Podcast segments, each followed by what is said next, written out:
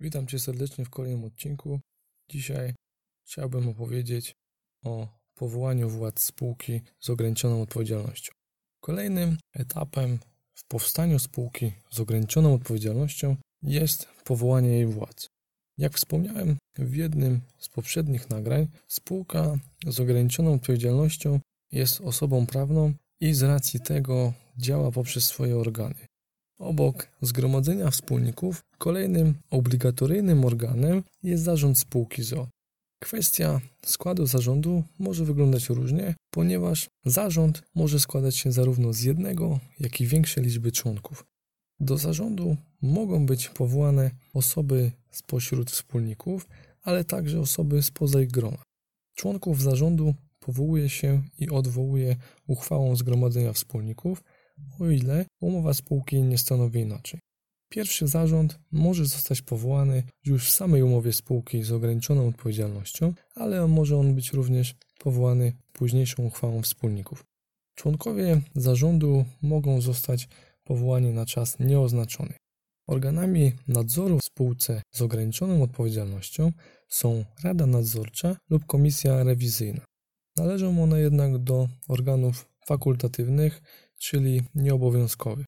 Jednakże w przypadku, kiedy kapitał zakładowy naszej spółki przewyższy kwotę 500 tysięcy złotych, a liczba wspólników jest większa niż 25, wówczas obligatoryjnie musimy powołać jeden z wymienionych organów. Trzeba tutaj zaznaczyć, że powołanie organu nadzoru będzie obowiązkowe jedynie, kiedy obie przesłanki zostaną spełnione łącznie, czyli kapitał zakładowy przewyższy kwotę 500 tysięcy złotych i liczba wspólników będzie wyższa niż 25. W przeciwieństwie do zarządu, który może być jednoosobowy, organy nadzoru są organami kolegialnymi. W ich skład musi wchodzić co najmniej trzech członków. Trzeba zaznaczyć, że członek zarządu, likwidator, prokurent, zatrudniony w spółce główny księgowy, a także kierownik oddziału bądź adwokat lub radca prawny nie może być jednocześnie członkiem Rady Nadzorczej czy Komisji Rewizyjnej. Inne osoby, które podlegają bezpośrednio członkowi zarządu, nie mogą być członkami organu nadzoru. Członkowie organu nadzoru powołani są na okres roku. Oczywiście umowa spółki może przewidywać inny okres.